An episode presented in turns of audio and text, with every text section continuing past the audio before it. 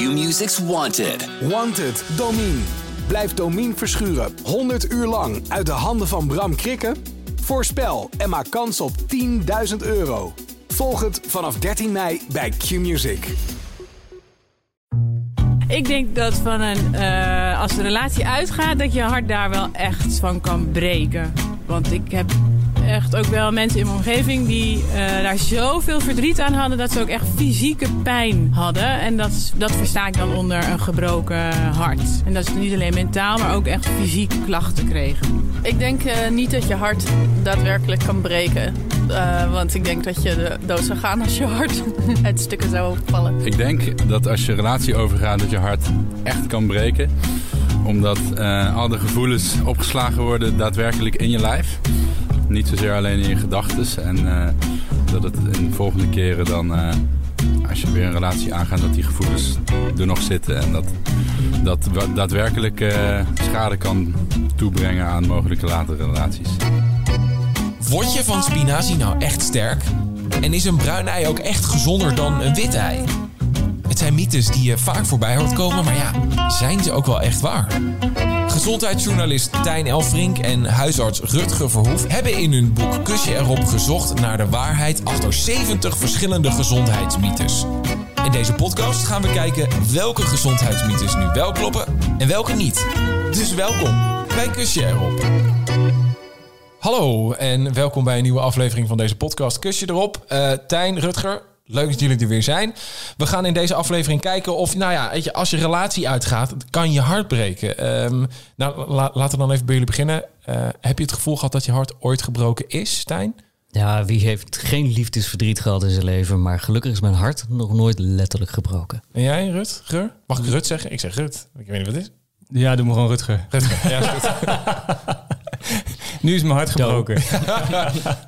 uh, uh, nou, niet, niet, niet, letterlijk. Nee, niet letterlijk. Okay. Niet letterlijk gebroken. Uh, ja, wel figuurlijk. Ik heb wel liefdesverdriet gehad met mijn allereerste vriendinnetje toen ik 17 jaar was. Oh. Ja, ja. En daar heb ik denk ik wel een jaar om gerouwd zelfs. Oh ja. ja. Ik, ik heb het ook gehad hoor, na een relatie dat je dan echt al een half jaar nodig had voor dat ik ga weer daten. Ja, en dan voel je, je echt ellendig en uh, zelfs uh, mogelijk wat benauwd, uh, pijnlijk gevoel op de borst zelfs nog een beetje bij, maar het is geen, geen letterlijke ziekte, het was allemaal figuurlijk. Ik okay. voelde het allemaal, het was allemaal psychisch, maar ja, wel meegemaakt en lang. Maar laten we dan even kijken, want wat is in jullie ogen een gebroken hart? Nee, dat kan zowel psychisch als lichamelijk. En wat je zal ik zo horen, dat het dan wat meer richting dat lichamelijke aspect gaat. Maar dat kan natuurlijk ook psychisch je hart breken. Oké, okay. ja. dus, dus eh, even kijken. Helpt het dan bijvoorbeeld als ik alvast wat alcohol pak, een aansteker, foto's van mijn ex bijvoorbeeld, een prullenbak, dat als ik het daar dan in aansteek en dan vervolgens me bezat met alcohol, valt dat in dat proces ook of niet? Nou, ik denk dat dat niet voldoende is om je hart te laten breken. Okay. En het is ook niet zo dat je hart letterlijk uit elkaar valt, maar je hart kan wel degelijk breken als gevolg van een emotionele reactie. Dus bijvoorbeeld liefdesverdriet. Ja. Maar het kan ook een hele positieve reactie zijn. Uh, bijvoorbeeld als je de loterij wint. Ook dan kan je hart breken. Hoe, hoe dan? Ja, door die stressreactie die ontstaat. En daarbij uh, ja, komt het onderste deel van het hart uh, stil te staan. Uh, dat is het breken van het hart. En, en oké, okay, dus... Want ze noemen, het ook, ze noemen het ook nog wel anders. Hè. De artsen noemen het... nou ja, gebroken hartsyndroom noemen het eigenlijk het Tako-Tsubo. Cardiomyopathie. En cardio is hart, myopathie, nou ja, spierziekte. Ja, dat weet jij. hart is een hartspier. Jij bent, jij bent huisarts natuurlijk. Ja, het klinkt voor mij allemaal als, als abracadabra dit. Maar... Nou ja, dat komt. Uh, het is een, een, wat gekke naam, omdat het uh, in 1990 werd er voor het eerst een melding gemaakt door Japanse artsen uh, over het gebroken hartsyndroom. En um, nou, het hart krijgt dan eigenlijk een soort van de vorm van een Japanse keramieke pot, waarmee ze vroeger inktvissen vingen. Oké. Okay. Tako betekent inktvis, ja, tsubo betekent pot. Dus, dus gewoon letterlijk, pot. je hart wordt gewoon in de vorm van een pot gevormd. Ja, ja, ja. Als je dan een, uh, een echo, uh, echografie doet, dan zie je dus eigenlijk die vorm van nou ja, Takotsubo inktvispot. En dat is omdat er dus, wat jij net zei, Tijn, een deel van het hart dan wat krimpt, groter wordt, uh, afsterft. Wat is het? Ja, een deel van het hart stopt er gewoon mee. Oh, echt helemaal... Ja. En komt dat dan wel weer terug tot leven? Over het algemeen uh, ja, uh, komt het wel weer goed. Er is een klein uh, deel van de mensen dat er echt blijvende schade aan overhoudt. Maar je hoeft niet heel bang te zijn. Uh, nou, het, gezond is het natuurlijk niet, maar je gaat er over het algemeen niet aan dood. Dus, dus um, verhoogt dan het verbreken van een relatie dan eigenlijk de kans op hart- en vaatziekten? Nou ja, kijk, dan moet je eerst weer gaan kijken wat nou precies gebeurt hè, bij uh, Takotsubo of het gebroken hartsyndroom.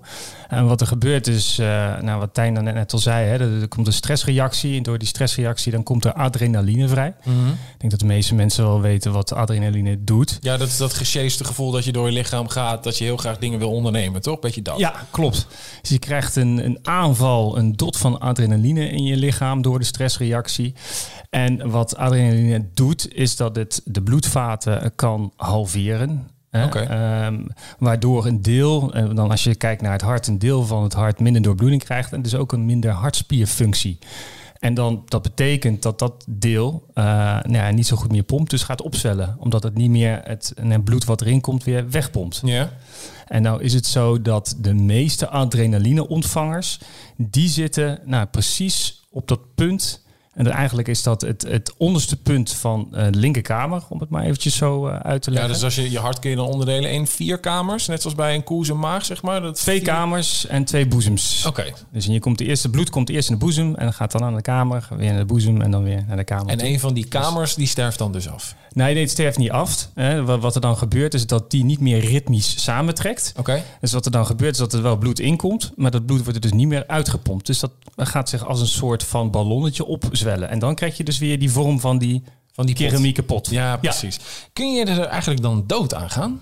Nou, dit, wat, wat we zien is, wat er uit onderzoeken naar voren komt, is dat 20% van de mensen die uh, het krijgen, uh, dat die in het acute stadium uh, hartfalen kunnen ontwikkelen. Oh joh. Maar geen hartstilstand, geen hartritmestoornissen of shock. Um, en uiteindelijk zal 95% van de mensen geen schade ervan ondervinden.